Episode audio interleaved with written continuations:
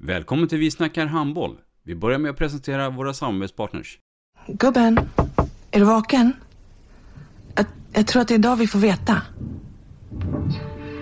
Jag kom in! Mamma, jag kom in! Mamma, jag kom in! Jag kom in! Ah! Vi finns där du är när livet förändras. För alltid välkommen till Länsförsäkringar. Nej men, ska du ha t-shirt på dig? Du, det är ingen vanlig t-shirt. Det är en nya bollar till klubben t-shirt. Och så matchar den grillkryddorna vi ska använda. Hur då? Men det är ju alla ska med på klassresan grillkryddor. Stötta barn och unga.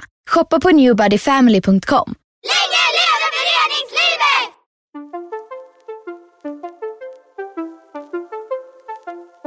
Välkommen säger vi till dig som lyssnar till den nya handbollspodden Vi snackar handboll med Robban Z och Erik Larholm. Vi snackar handboll, där du får veta alla sanningar som du inte visste att du missat. Vi snackar handboll. Idag i programmet Vi snackar handboll, Erik, så har vi ju en eh, duktig handbollsspelare som, om jag inte är helt ute och cyklar, alltid har spelat med ett pannband. Ja, nu tog du min, eh, mitt intro här. Jag tänkte säga alla pannbandstillverkares absoluta drömspelare. Borde inte ha några problem med sponsorer på huvudbonaden. Cornelia Dahlström, duktig handbollsspelare boendes just nu i Stockholm. Välkommen. Tack så jättemycket. Cornelia Dahlström, född 2001. Vem är det? Ja, jag är 20 år gammal. Kommer då från Stockholm som Erik sa. Ehm, bor ute på Värmdö med min familj och eh, till vardags så jobbar jag hos min mamma som är optiker och eh, spelar då i Skurus damlag. Om vi tar det från början. Eh, Gustavsbergs IFHF är din moderklubb. Precis. Och jag kan säkert förstå, men det finns säkert en förklaring varför det blev handboll. Men, men ta resan från början med skola och intresset av idrotten och det. Mm. Alltså hur det startade skulle jag nog säga att det var min pappa som hittade någon annons i tidningen. När han såg att nu kunde små 01 springa, springa ner på träning på handboll. Och eh, ja, vår familj har väl egentligen ingen koppling till handboll annars. Eh, men jag testade. Var det handbollsskola på den tiden då? Ja, precis. Alltså det var liksom boll, bollskola. Mm. Eh, men ganska snabbt så var man i behov av föräldrar som ställde upp. Liksom. Mm. Eh, och parallellt så gick du i skolan. Mm. Ute på Värmdö. Jajamän. Mm. Eh, var du eh, Guds bästa barn som elev? Eller hade du eh, ADHD? Eh, inte ADHD, det skulle jag nog inte säga. Eh, däremot så har jag dyslexi. Mm. Eh, så att det har inte varit plättlätt hela Nej. tiden. Men, Men- men brann du för skolan? Alltså, eller kände du att nej, det här var ingen höjdare? Alltså jag skulle inte säga att jag brann för skolan, men jag gjorde det jag skulle. Mm. Absolut. Och har väl alltid haft liksom, medelbetyg. Mm. Så. Mm. Lätt underdrift. Som att du hade klart över 300 när du kom in på gymnasiet. Ja, jo, det, eller jag hade nog ja, precis 300. Ja, något sånt var det. I takt med tiden då, då så, så eh, blir det ett val då på gymnasiet. Hur, hur gick dina tankar här då? Eh, Var det att det skulle vara någon inriktning med handbollen som var det självklara valet eller växte det fram under Mm. resans gång? Jo men det var nog ganska självklart. Jag var ju lite så om man skulle flytta till Göteborg som man hörde att det fanns där också. Att Mm. de hade riksgymnasium och sådär. Så det var nog tanken från början. Men sen så fick jag ju veta att det fanns i Stockholm också. Och eh, ja, man gjorde väl en sån här fördel nackdel lista och eh, kom fram att jag skulle få fortsätta här i Stockholm på gymnasiet. Och Gustavsberg är din moderklubb eh, och du är ju då 01 och handbollsskolan där, var det, var det, kommer du ihåg det, var det blandade årgångar då eller var det ett gäng då bara 01 där? Vi var bara 01 Ja. det var vi. Och det är den gruppen som har blivit tajtare och tajtare Precis. med åren. Ja. Mm. Berätta lite grann om den tiden. Oh, eh, alltså det är ju bland de bästa tiderna som jag haft i mitt liv. Eh, vi hade sjukt kul och jag är väldigt tacksam för den tiden vi hade och alla minnen och eh, det vi uppnådde tillsammans. Mm. Eh, Duktiga tränare också? Det, det tycker jag absolut. Ja. Vi hade ju, Vilka var de? Vi hade ju två stycken varav en av dem var min pappa faktiskt, Mm. som var föräldrar. Mm. Eh, och de körde väl fram till att vi tog vårt första SM-guld. Mm. Eh, efter det så ja, kände de att det kanske är dags att ta in någon som kan handboll på riktigt. Mm. Eh, för fram till dess så var det mycket ja, men hur man byggde upp ett lag och liksom attityd och inställning. Ehm, men just handbolls, alltså hur man tänker, vad man ställer linjen, vad man, olika kombinationer. Det fanns inget riktigt svar Ja. på det. Och att ha pappa som ledare där, kände du att det var en fördel nackdel eller kändes det också ganska naturligt att han fasade ut sig själv då? då? alltså under tiden som han var där så Mm. kändes det ju naturligt. För att Mm. jag har ju inte varit med om någonting annat.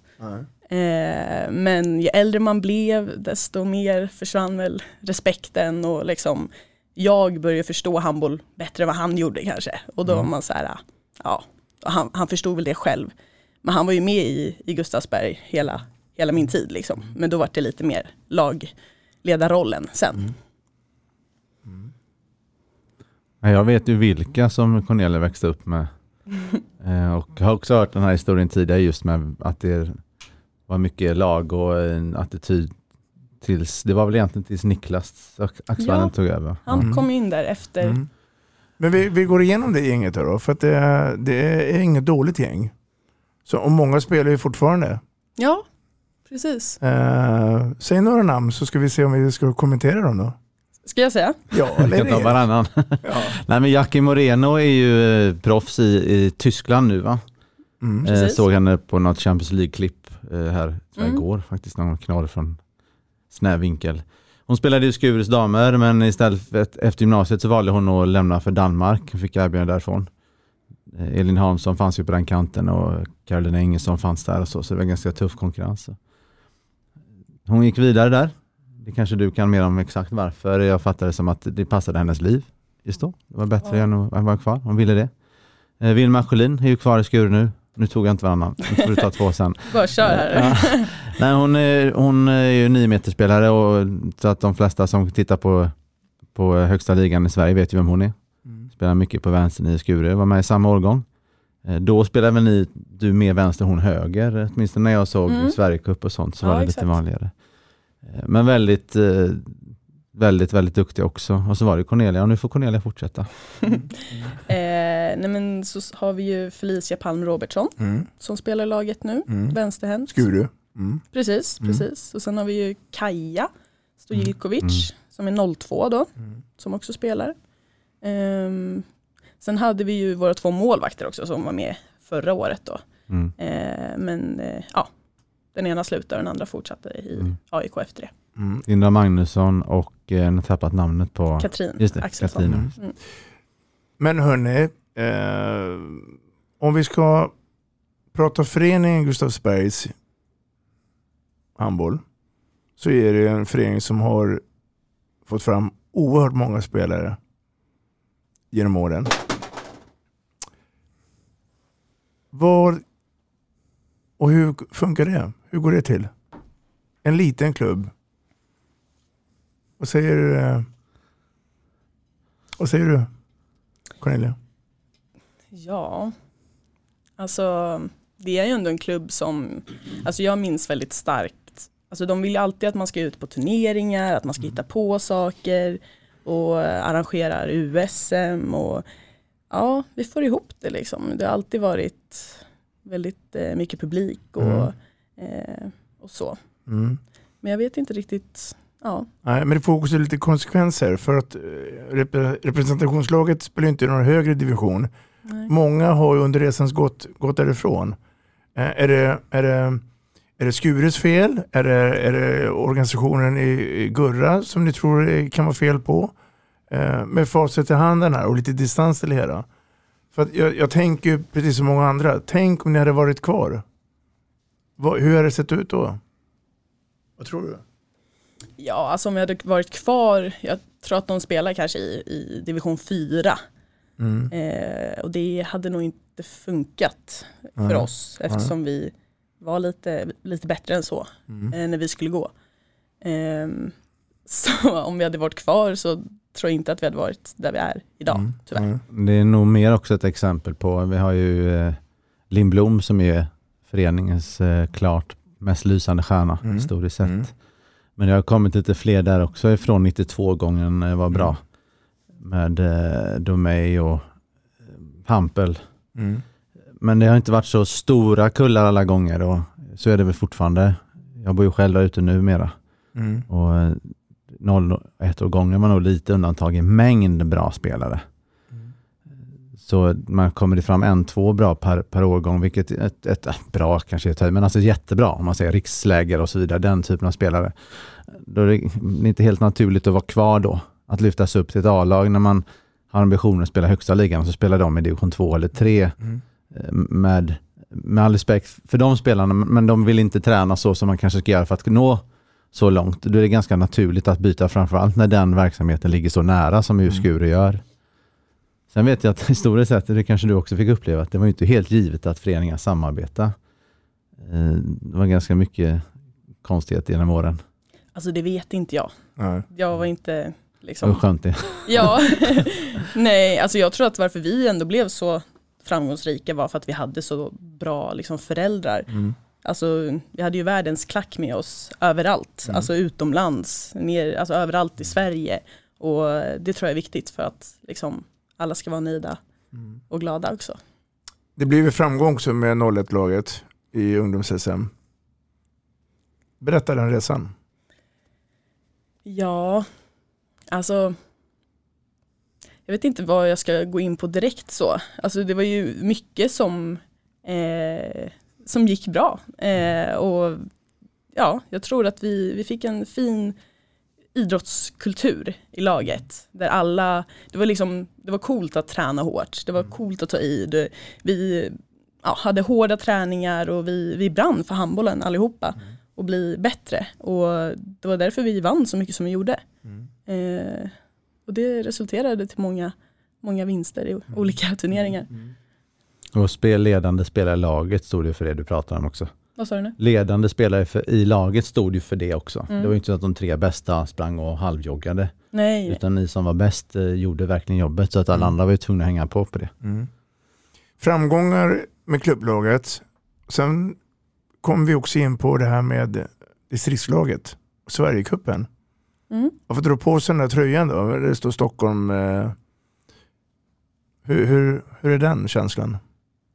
Jo men det var jättekul. Framförallt komma sen till Sverigecupen och ja, möta de andra lagen och veta att förbundskaptenen satt och tittade och, och allting sånt. Mm. Men eh, ja, Hur, hur var du där som person? Var du en sån där som undrar om de tittar på mig? Eller, eller du kanske struntar i det och bara kör ditt eget race? Eller, ja men det är klart det ligger alltid någonstans i bakhuvudet. mm. Däremot så kommer jag ihåg att Sverigecupen var ingen jätteframgång för mig. Nej, Jag kom inte riktigt till nej. så som jag brukade göra. Mm. Ehm, så det är väl snarare sen när man blev uttagen till eh, de här eh, Riks. rikslägren Ja. och alltså, fick vara med liksom. Mm. Eh, på ungdoms, eh, Mm. Jag hade några samlingar med lite träningar. Där, där kändes det som att det vart på riktigt liksom. Mm. För det var ju så att du, du, du eh, blev uttagen från Sverigecupen till Riks. Och sen var det träningar med det. Och sen så var det en kallelse, kan jag tänka mig, till landslaget. Precis. Jag var egentligen inte med på någon riks. Alltså, jag var ju skadad Ja. på typ alla riks och jag tror att det var något eh, eh, mästerskap där också under rikstvåan. Så där var jag inte heller med. Den enda gången jag var med var på riksfyran där jag fick vara med på hela lägret i alla fall. Ehm, var det. Mm. Men du var väl en av de 01 som ganska snabbt, eh, det brukar ju ta lite tid annars, ganska snabbt lyftes upp i, med 00 Mm. Man har ju ett år, man är ju ett år efter där, man säger. så, så Ja, ser det ut. Mm. med för och nackdelar med det. Men jag, var inte du med till och med på första mästerskapet med 00? Jo, Det är ju inte Precis. så vanligt att man är vi det. var väl typ tre, fyra Ja, stycken mm, kanske, mm. 01 som var med. Och då säger ju några fåglar kvittrande till mig att du var ju en av de här bärande spelarna i blågult. Håller du med om det? Oj, det vet jag inte. Ja. Kanske. jag vet inte. Det var väl en av fyra som spelade på 9 meter mest, var det inte så? Isabel Andersson gick väl mest av alla va? Mm, precis. Och sen var det Dano och Sandberg på höger nio. precis. Och sen var resten lite oklart. Ja, jag fick ju lite mer av en mittnio-roll där faktiskt, vilket jag inte var van vid, utan jag hade bara spelat vänsternia i princip. Men eh, det var kul att axla det också. Kände du det att, att där, där blev det också ett, ett steg till utvecklingen? Att, eh, en annorlunda roll, en, en tydligare roll, en, en viktig roll att vara mitt i smeten, alltså hålla i spelet. Mm, Ja. absolut. Om vi går tillbaka till, till den här grå baksidan och då tänker jag på skadorna. Mm. Har du någon gång gått och funderat på att varför drabbar du mig? Varför har det blivit så här? Ja. Och tror du att om vi kunde backa tillbaka tiden, hur skulle vi kunna gjort då? Gick det för fort? Var belastningen för hård? Det är jag lite nyfiken på att höra. Mm. Alltså, jag tror att mycket handlar om genetik Mm. faktiskt. Ehm, men sen så den enda gången som jag har tänkt på att det kanske blivit lite för mycket var ju när jag började gymnasiet och jag gick över till Skuru och eh, spelade både med Nacka och Skuru och i skolan och det vart mycket träningar och en ökad dos liksom. Ehm, men samtidigt så tänkte jag att ja, men nu har jag valt att satsa på det här och då ska det göra ont. Men eh, så jag lyssnade väl inte riktigt på min kropp Ja. eh, under den tiden. Och, Det var väl den ehm, första grejen att du fick lära dig, kanske på den tråkiga vägen. Ja. Att du, du för mig att du sa det själv någon gång, att eh, här skulle jag nog sagt ifrån tidigare. Det var med ryggen tror jag. Exakt, exakt. Eh, nu ska jag inte lägga mig i, för det, det, det är din kropp, men för, för, jag, för mig som såg det utanför så var det, handlade det mer om att om du skulle sagt till innan just den skadan, Mm. så kanske det hade blivit betydligt lindrigare. Eh, man får lära sig vissa saker den hårda vägen, så är det ju. Det gör vi väl alla på Mm. mer eller mindre. Mm. Det är ju ingen hemlighet att vi pratar mycket om gymnasieutvecklingen och gymnasieträningen. Eh, och eh, för några och många funkar det, för många och några kanske inte funkar. Och tips och råd då till de här nu som eh, är yngre än dig och att de går den här vägen som du vill göra. Att, vad, vad ska man tänka på när man gör det här valet? Att gå på ett handbollsgymnasium och samtidigt ha vardagen under kontroll och klubbträningen. Mm. Um, man får gå mycket på alltså, vad man vill. Mm. Ehm, också om man tror att man kan sköta träningen. Eh, för det, alltså det krävs ju extra träning. Mm. Ehm, och den får man ju gratis när man går på handbollsgymnasium. Mm. Och får de här timmarna på morgonen. Mm. Eh, och det var jättebra och roligt Mm. tyckte jag. Mm. Eh, men jag tycker inte att det är ett, ett måste för att bli framgångsrik. Liksom, så. Ehm, och sen krävs det ju mycket planering, alltså med ens träning. Mm. Mm. Vill du Erik hänga på? Nej, jag håller med. Det, det, är inte, det är ju inte någonting som är för alla. Eh, Man ska, dels ska kroppen klara det, men kanske det minst lika viktigt eh, ska huvudet klara det också, att man ska Mm. kunna gilla att träna. Det ser olika ut beroende på vilket handbollsgymnasium man står och, och väljer inför, eh, beroende på, beroende på var du bor i Sverige. Mm. Men en, de två största grejerna med det, det är ju att du ska få tid att utveckla din fys med, med bra instruktörer och eh, du ska få chans att utveckla den individuella tekniken med meriterade bra instruktörer. Det finns ju krav på vilken utbildning och vilka meriter du ska ha för att få, få jobba där. Eh, Men då ska du vara mottaglig. Du ska vilja de sakerna. Du ska vilja träna fysik och du ska vilja bli bättre individuellt. Du ska inte bara gå och vilja spela lite, vad ska man kalla det för, random handboll. Eh, vill man inte det, känner inte man, då är det bättre att man gör andra saker såklart. Kände du något gång under de här tre åren på gymnasiet att nej, jag är nog beredd att kasta in handduken? Eh, eller kände du någonstans att ja, jag får nog inse att eh, det får ta lite längre tid?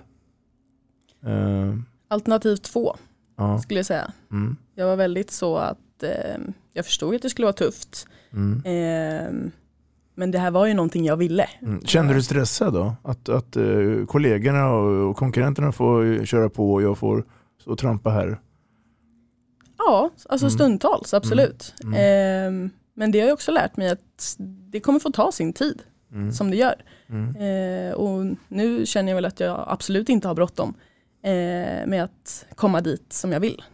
Utan eh, ja, lite is i magen. Bra träning. Efter gymnasiet så är, man ju, om man får säga så, fri som en fågel. För då får man göra i princip vad man vill göra då. Vad, vad, vad, vad kände du där då? Att, eh, då? Då vill jag bara lägga fokusen på handbollen. Eller fanns det andra intressen också där? I den tiden då? För det, det händer ju mycket, om man nu får säga, i, i, ni som är unga nu, i de här årgångarna där, eller perioden i livet. Hur, hur, hur, hur tacklade du det här efter skolan? Vad, vad, vad var ditt nästa mål? Alltså, jag tänkte ju att nu ska jag leva som ett handbollsproffs. Mm. jag ska bara träna och ja, rida då som jag gör också. Mm. Eh, kunna göra det på dagen och sen komma ner på någon eftermiddagsträning. Men ja, jag förstår ju ganska snabbt att det funkar inte och mina föräldrar tyckte inte heller att det lät jättebra. Mm. Eh, så då började jag jobba hos mamma. Mm. Gjorde jag. Och tjäna pengar. Och tjäna pengar. Ja. Och det är jag glad att jag gjorde. Mm. För att eh, nu är tanken att jag ska börja plugga lite. Mm. Om det är så att jag hittar någonting som passar mig. Mm. Eh, och då är det skönt att ha ett litet mm. kapital med sig. det är tufft tror jag att som ung spelare och så var så det var ju, så länge jag har sett det så är det första gången du gick i nian. Varit eh, årgången Sverige, årgången Gustavsberg. Eh, bland dem hela tiden hört att jag är bland de bättre, bland de bättre. Och, och så plötsligt då kommer skador och så blir man en massa omsprungen, eller man ska säga, eller folk närmar sig. Och så dessutom i den åldern. Eh, det behövs nog, ta, man, ta igenom, ta igenom, så det på egen hand är nog inte helt givet och enkelt. Eh, det känns att det är en ganska tuff period. Mm. Inte du känner? Alltså tänker du då när jag var skadad? Ja, liksom? ja. Alla de åren som var där under en sån, men tonåren är inte alltid enkel på andra sätt heller. Liksom. Nej, nej men precis. Nej absolut, det var tufft men eh, jag har haft liksom bra personer som man ändå kunnat mm. prata med. Liksom. För att det blir ju så att man alltid jämför sig med, mm. med de som man liksom har tyckt att man ligger på samma nivå mm. som. Och sen när man ser att de kanske har lyckats mer rent så eh, prestationsmässigt mm. så klart att det växte en stress. Men eh, ja, jag tycker jag har tacklat det bra. Mm. För att det är ingenting som påverkar mig just nej, nu. Nej. Flytten då från Gustavsberg till Nacka och sen blev det då Skuru. Eh, vem var det som sa åt dig att nu Cornelia är det dags att du går upp i A-lagstruppen permanent?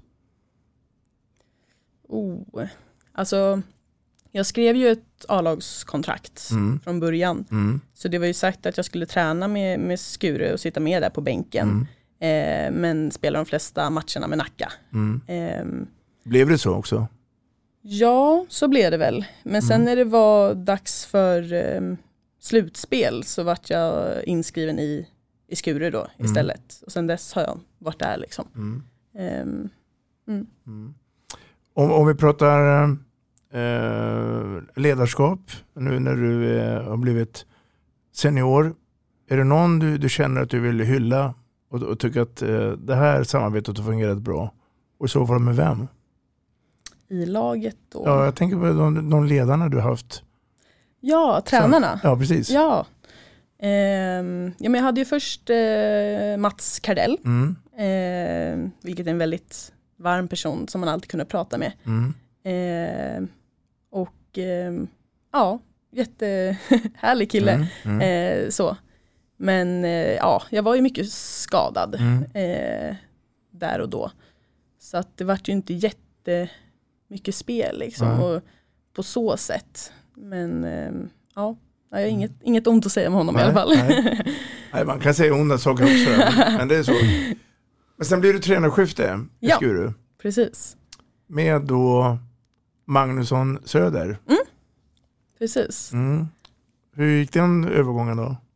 Ja, men bra tycker jag. Alltså, han kom in med mycket nya idéer och, och tankar eh, om, om handbollen.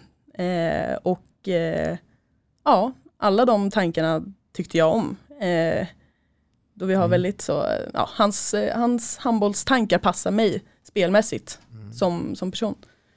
Um, så det, ja, Mm. Bra. Och det blev ju ett bra säsong också. Mm, det, var, det kan man väl säga. Mm, mm. Jag tänker på finalen i bland annat Eriksdalshallen. Ja. Mm. Och eh, H65 hör. Mm.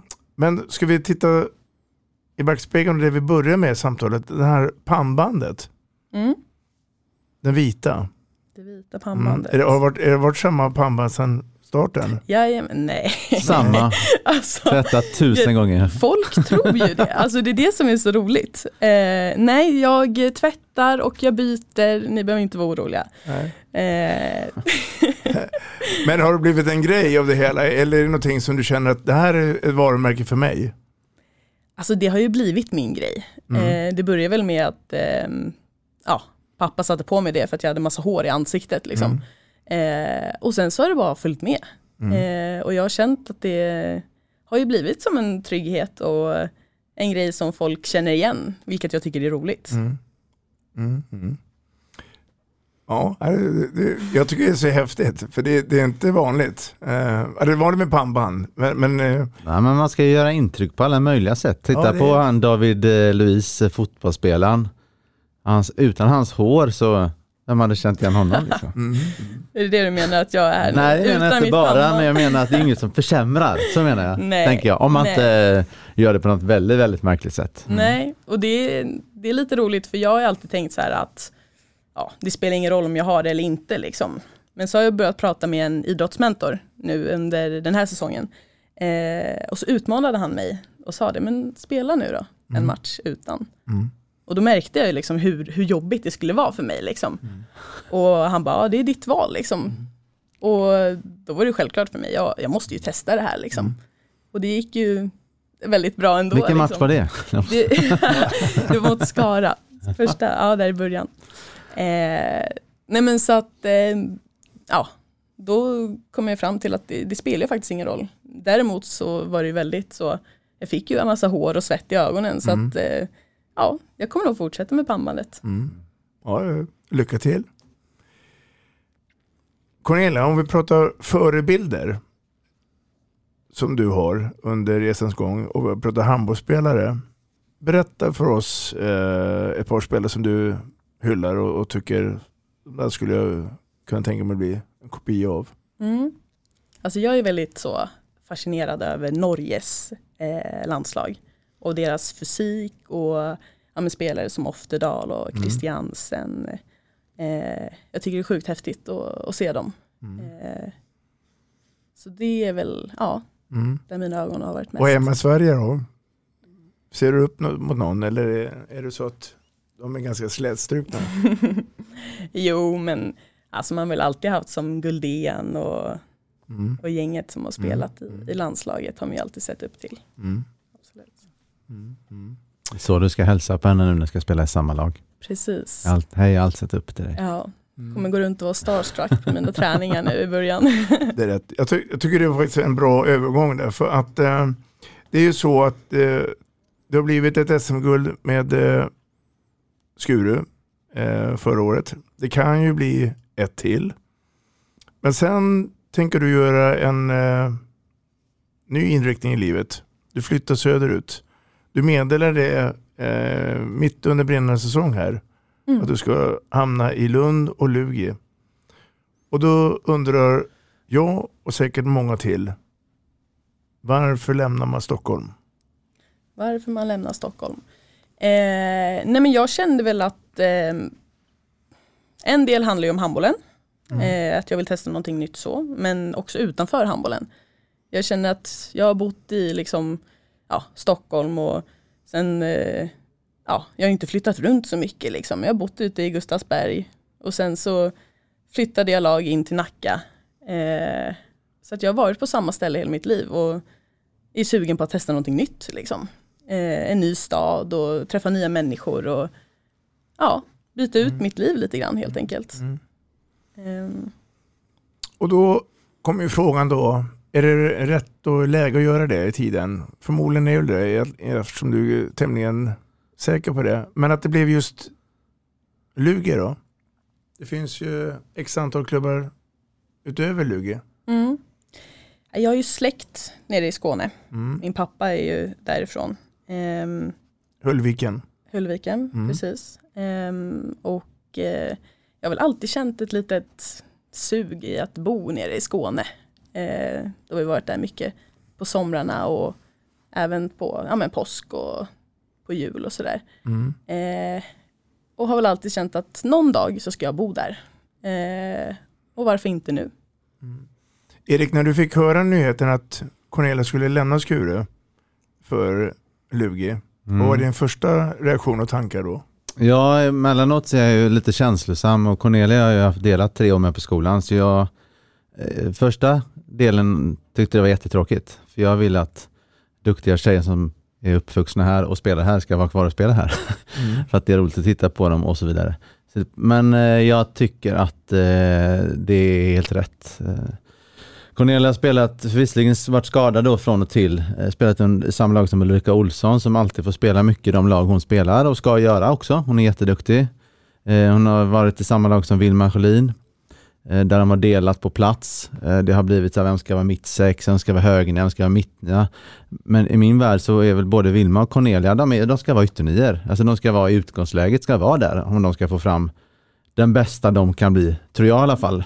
Mm. Eh, ja, då är det bara att göra matten själv. Alltså nu råkar det bli så av, av en skade, med en skadehistorik att Vilma har fått mer speltid och mer utrymme i Skuru. Och det tycker jag det är, ju- det är en rätt naturlig följd av det. Eh, så att jag tror att det är helt rätt. Sen om det skulle vara Hör eller Lugi eller något annat Skånlag, det, där kan jag för lite för att yttra mig. Men att spela ytternia främst ja, till vänster i ett nytt lag, eh, långt, lite längre från pappa, inget ont om pappa, men nu när jag hör helheten, jag tror att det kan vara jätteutvecklande på alla sätt. Och jag tror att det för Cornelia som handbollsspelare är det bästa. Absolut. När, när du hade första kontakten med, med Lugi här, pratar ni just nu eh, vilken, eh, vilken uppgift och vilken roll du ska ha när du eh, hamnar hos oss nere i Lund? Hur, hur gick snacket? Jo, men precis, absolut. Eh, det vill man ju veta innan Mm. man åker Mm. dit, liksom, Mm. vad de har för tankar om en. Nej, men de presenterade en helhet och de håller på att bygga upp laget nu ehm, från grunden Mm. och eh, letar efter individer som eh, passar vad de står för liksom, och vad de som lag vill ehm, ja, men jobba emot. Eh, och det lockade mig eh, att vara en del av det. Så, eh, Hur, hur lång betänktid behövde du på dig? Hur lång? Nej, jag vet inte faktiskt Nej. hur lång tid det blev. Eh, men det är klart att det har gått i mina tankar eh, ja, länge på Ja. vad som finns utöver liksom här. Och, och det är ingen schism mellan dig och Skure eller sånt där, att det är därför du väljer att, att lämna Stockholm, utan känner du att jag vill helt enkelt hitta nya utmaningar? Nej, absolut inte. Alltså jag har haft Mm. det hur bra som helst i, i Skuru. Mm. Eh, sen är det klart att man i vissa stunder hade önskat mer speltid eller liksom ehm, ja, andra saker. Mm. Men jag har haft det superbra och eh, har absolut inget ont att säga utan det handlar mer om att jag eh, ja, är redo för någonting nytt. Inte haft riktigt förutsättningar att konkurrera heller med. Det, jag tror att utvecklingen för, för Cornelia att ta nästa steg som seniorspelare, det är att spela kontinuerligt. Mm.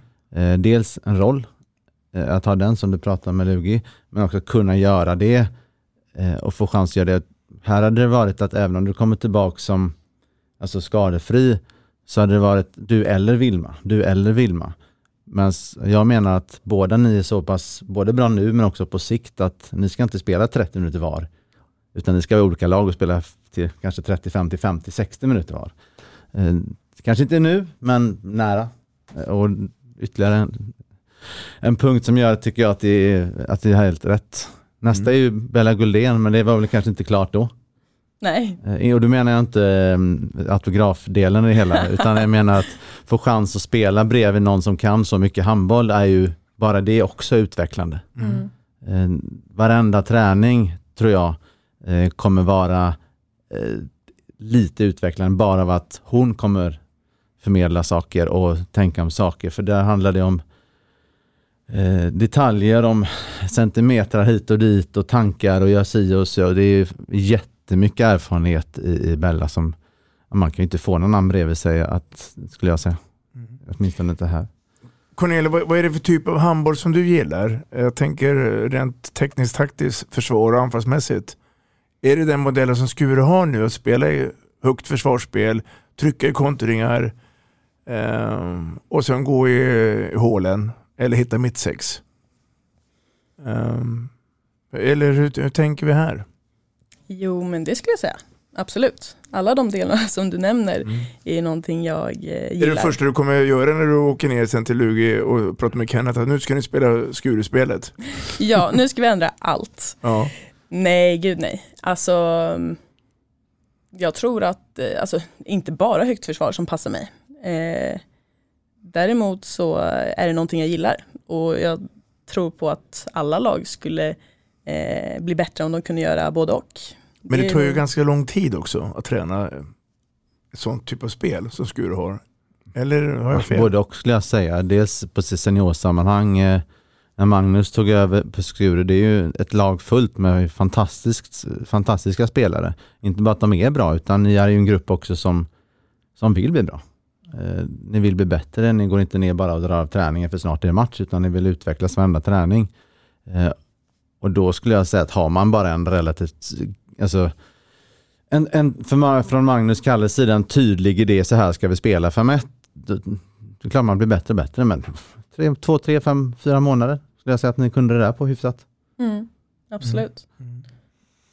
Nu när du eh, tar resväskan och, och tar dig ner dit och, och sen börjar då eh, träna det med, med Lugi, vad, vad, vad, känner du är några hörnstenar som du själv vill bli bättre på som handbollsspelare? Och som jag och Erik förmodligen kommer få med och uppleva att det här har hon blivit bättre på. Vilka, vilka detaljer kommer beröra dig? Um, jo, nu i Skuru så har jag spelat mest som, eh, som tvåa mm. i, ett, i ett högt försvar då främst. Mm. Eh, jag själv ser mig absolut kunna gå på en trea Mm. Eh, och det vet jag att eh, Kenneth också gör nu. Kenneth spelar 6-0 för det mesta. Ja, mm. eh, och eh, där är väl också tanken att jag ska försöka axla en lite större roll. Mm. Eh, och det ska bli spännande att göra det nu när man inte har gjort det på ett tag. Eh, och se hur man anammar det liksom. Mm. Ehm, jag tror att mycket kommer ju bli en, en utmaning att liksom flytta ner. Mm. Eh, allting kommer inte klaffa från början liksom. Mm. Eh, men just nu är jag väldigt taggad på, på en försäsong och lära känna alla och hitta olika samarbeten och, och sådär. Mm. Eh, men det är klart det kommer vara en utmaning. Mm. Alltså, jag har ju spelat först med, i Gustavsberg liksom nio år med samma tjejer. Och nu har jag spelat fyra år här i Skuru där jag också har haft många av de tjejerna att spela med. Liksom. Mm. Eh, nej, så att jag, ja, sen är det klart att det finns massa grejer i mitt egna spel som, som jag vill utveckla. Mm. Eh, men det är väl just de här delarna som jag tänker på just nu när det gäller handbollen. Erik, de bästa egenskaperna i Cornelis anfallsspel?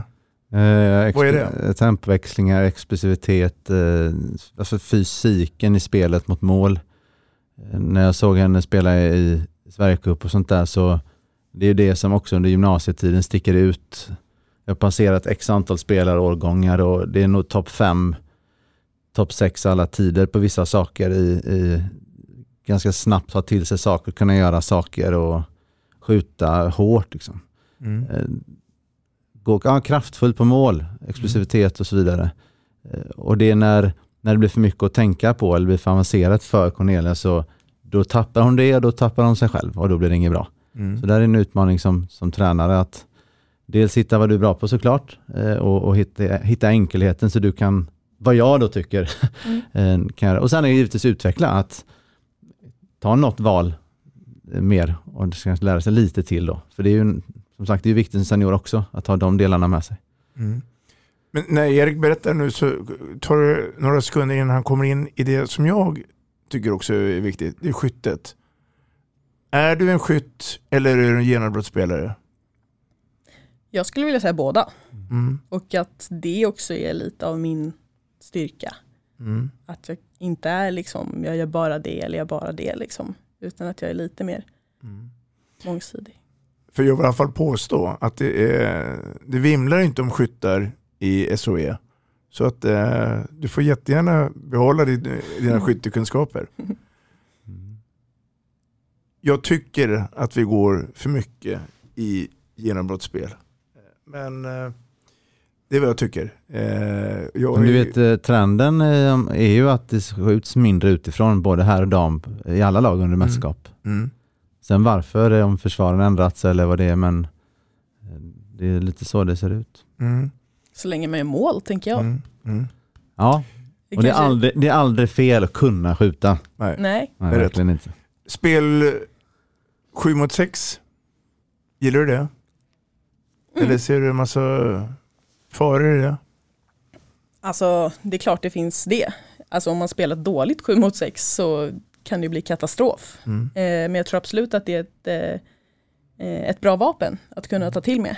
Eh, när det behövs eller när man vill testa någonting annat som motståndaren kanske inte är redo på. Mm. Jag tänkte vi skulle prata, det kommer lite nya regler också. Eh, som jag tänkte jag skulle låta Erik få berätta om du har koll på det. Men, men handbollen kommer ju förmodligen gå ännu snabbare. Ja, jag har koll på eh, den här cirkelregeln. Ja, ska, vi, ska vi berätta det här lite? Ja, men eh, nu kan inte jag exakt siffrorna, kommer jag inte ihåg, men det handlar om att du behöver inte stå lika exakt när du tar ett avkast längre och du får dessutom göra det löpandes. Mm. Eh, Så att säga att det är en, en cirkel med en eh, diameter på tre meter Mm. eh, och så får du dessutom då jogga, springa i den. Eh, Domaren kommer s- m- betydligt mer sällan blåsa av dig, blåsa tillbaka de här snabba avkasten och du har ju mycket lättare att göra det också. Målvakten lättare att träffa rätt och mittsexan inte så stilla och så vidare och så vidare. Eller om det ens är mittsexa. Så att det, borde, det talar väl för att det är ännu mer givande att trycka Mm. på, alla, på olika sätt och då trycka upp bollen snabbt när man spelar 6 mot 7. Är det någonting som, som passar dig Cornelia? Att trycka och göra det snabbt? Eller är det den här lugn och fin, nu ställer vi upp och sen så kommer smällen? Nej, jag gillar fart. Eh, absolut. Så det här är nog en regel som, som gynnar mig. Var det en del av det ni hade även i, i 01 i Gustavsberg? Ja, alltså det var ju sällan som vi hade uppställda. Ja. eh, vi hade ju någon slags eh, eh, mål att vi inte skulle ha något uppställt. Vi skulle springa sönder motståndarna. Eh, så det var väl lite vå- vårat adelsmärke liksom, som vi gick efter. Är det den trenden, tror du Erik och Cornelia, att vi kommer gå till? Att tufft försvarsspel och så, så trycker vi. Och så blir det knappt anfallsspel. Alla nya regler brukar ju få konsekvenser efterhand. Man kommer på hur det fungerar bäst och så. Det som talas om nu innan det är att det är ännu mer givande att vara tvåvägsspelare. Du kommer inte kanske kunna byta på samma sätt. Jag tänker nästa då, tänk, ja det blir ännu viktigare att kunna byta bra. Att vara ännu mer noga med att inte ha tekniska fel och veta var skottet ska komma så att man har tid att springa hem. Man kan diskutera det oändligt tror jag. Cornelia får ta vidare. Nej men jag tror också på alltså, tvåvägsspelare är väl det som den moderna handbollsspelaren kommer behöva vara. Ehm, mm. Mm. Mm. Vem vinner SM-guld nu till våren? Det undrar jag också. Det kanske var en, en, en korkad fråga från mig till dig. Men, men eh, om nu Skure lyckas försvara SM-guldet, vad, kommer det i så fall att... Eh, alltså, vad, vad krävs för att Skure ska kunna behålla det? Mm, ja, det är väl att vi får ihop helheten. Mm. Ehm, får tillbaks någon mer spelare. Ehm, om man ska hålla i över fem matcher. Mm. Ehm, sen tror jag också att det är väl det laget som har minst skador och ja, bäst precision som faktiskt Mm. kommer ta det här. Man kan faktiskt säga att de, de här på förhand då, eh, med risk att med risk för att göra övriga lag lite irriterade och det är väl bara roligt inför slutspelet. Det gillar väl folk att det blir lite hets och sådär. Eh, Skure, Hör och Sävehof är ju, tycker jag, ändå tre både tre lag som är klart för de andra i att vara aktuella för att vinna SM-guld och spela final. Man har eh, spelare, man har tränare för det. Eh, och, eh, men, men, ska jag säga, man är ungefär lika skadedrabbat. Det är rätt mycket skador i alla de där lagen. Isabel Andersson har inte varit med här på väldigt länge, men det är ju ändå en som är borta. Hon kommer nog inte tillbaka vad jag vet till ett slutspel. Ja, jag kan inte exakt där, mm. Ola är väl för hemlig för det också. Cornelia Danella i eh, Skure och så har vi Kopang eh, och eh, Wallén, Lundström i Sävehof. Rosell spelar inte senast mot Skure. Jag vet inte om det var medvetet, om hon också har något problem. Så att det är väl lite rättvist på något sätt ändå i att alla har lite skavanker de där lagen. Men det är ju som du säger då, alltså de som får tillbaka de en eller två av de där spelarna har väl betydligt större chans tänker jag vad är det man säger, den som lever får se. Uh, nu blir det då flyttlass ner till Lund. Det sker väl under sommaren misstänker jag. Um, du kommer inte spela proffs heltid, utgår jag ifrån, utan det blir på amatörnivå. Men du, du ska göra någonting på sidan också av handbollen där nere. Är det plugg eller ska du jobba? Det var bra att du sa det, jag måste söka in lite saker nu. eh, nej men tanken är väl att jag ska plugga. Ja. Eh, vad vet jag inte riktigt. Jag är intresserad av psykologi. Mm. Kanske någon kurs i idrottspsykologi. Mm. Det skulle ju gynna mig själv i alla fall. Vilket, mm. ja. Mm. Så uh, vi får se helt enkelt. Mm. Finns det optiker i Lund också? det är det säkert men uh, jag är lite trött på det där nu. okay, okay. Ja. Du, eh, nu är det så här att tiden har kommit ikapp oss. Eh, och eh, som jag brukar säga, det har varit en ära och en glädje att ha haft det här. Och eh, lycka till nu framöver Cornelia Dahlström. Vart och vilken riktning än du väljer. Så eh, kämpa på nu. Tack så mycket. Vi snackar handboll, där du får veta alla sanningar som du inte visste att du missat. Vi snackar handboll.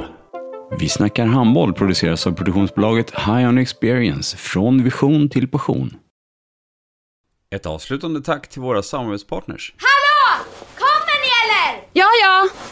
Har du sett mina ankelsockar? De här? Nej, nej, jag menar skridskoslip till juniorlaget Ankelsockarna. Ja, men kolla bredvid träningsläger med handbollstjejerna-t-shirtarna. Stötta barn och unga. Shoppa på newbodyfamily.com. Länge leve föreningslivet! Gubben, är du vaken? Jag, jag tror att det är idag vi får veta. Jag kom in! Mamma, jag kom in! Mamma, jag kom in! Jag kom in! Ah! Vi finns där du är när livet förändras. För alltid välkommen till Länsförsäkringar.